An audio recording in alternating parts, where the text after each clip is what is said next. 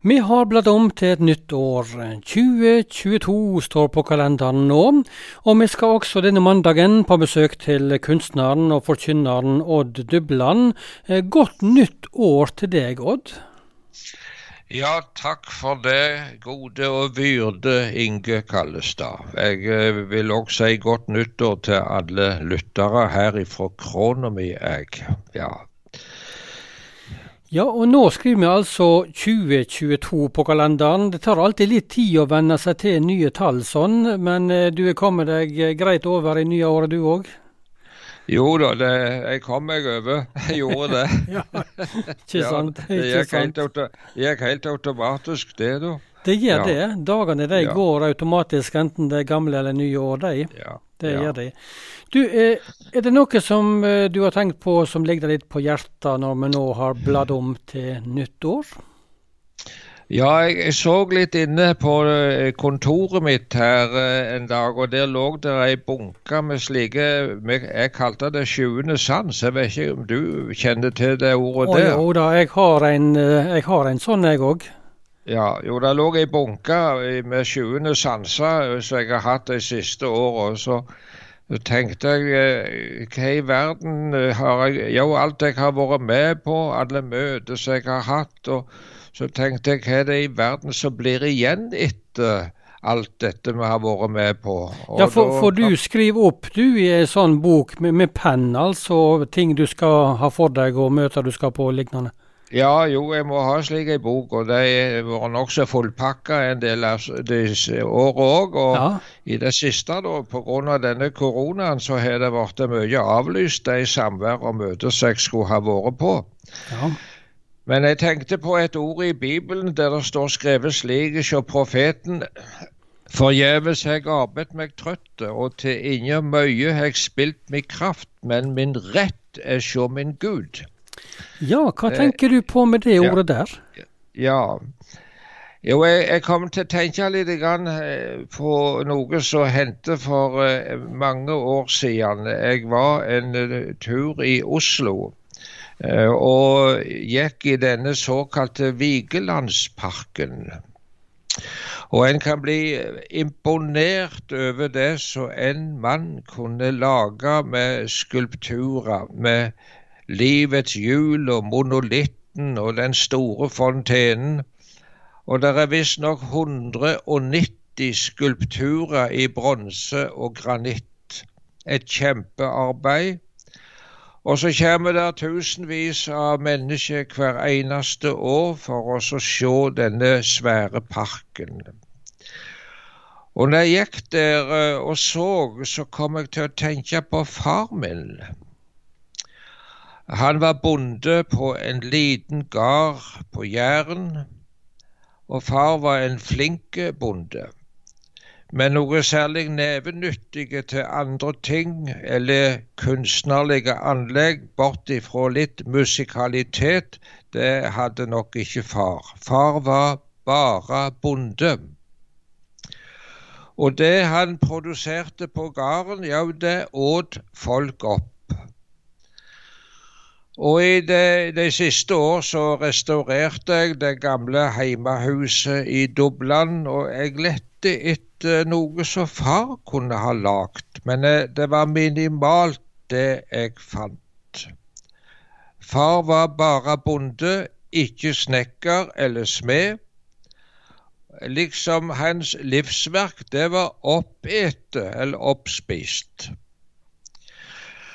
Og det var med et visst vemod jeg gikk der i Vigelandsparken, og jeg savna far.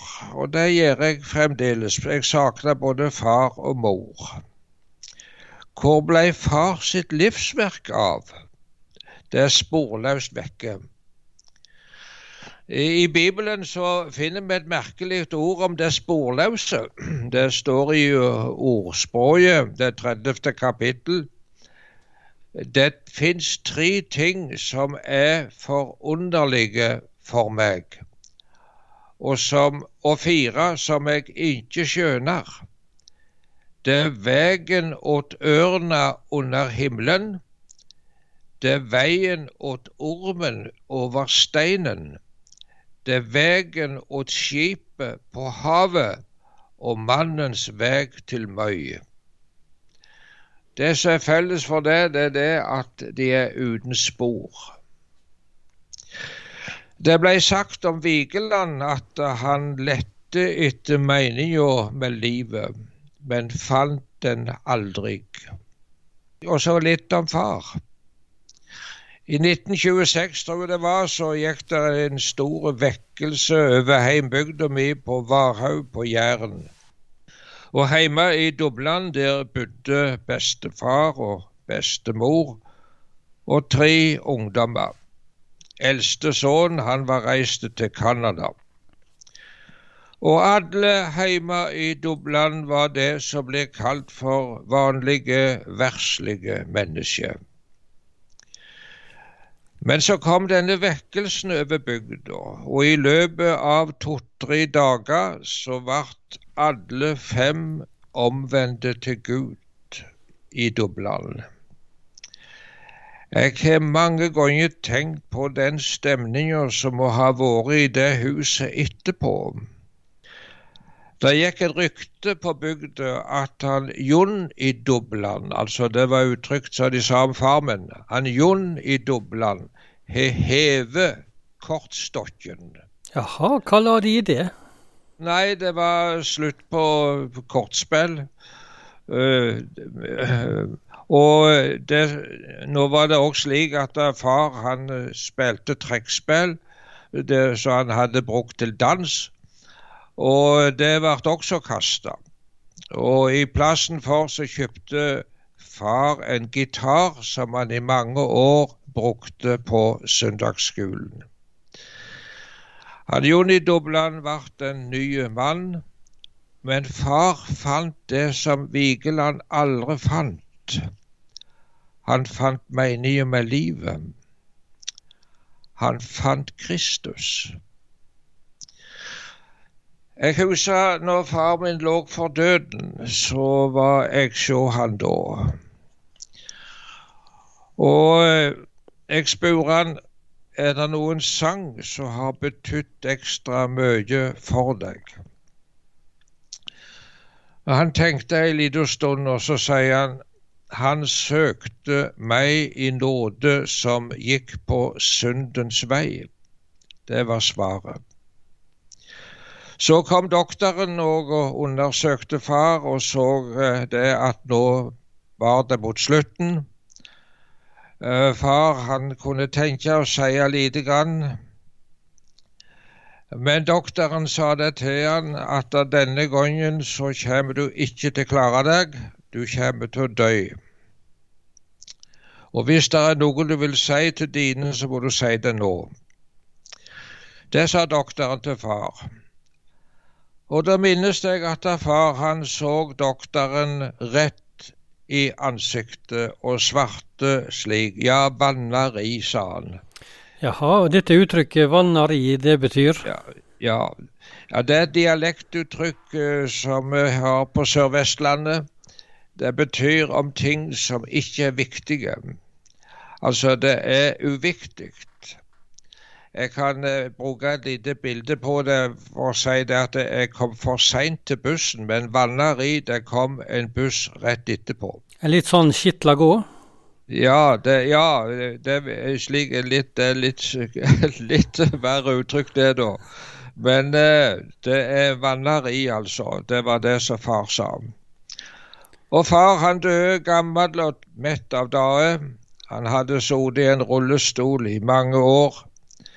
Og vi snakker av og til om å være ferdige til å dø. Far var det. Men det er noe som er mye større. Det er å få dø i noe som er ferdig.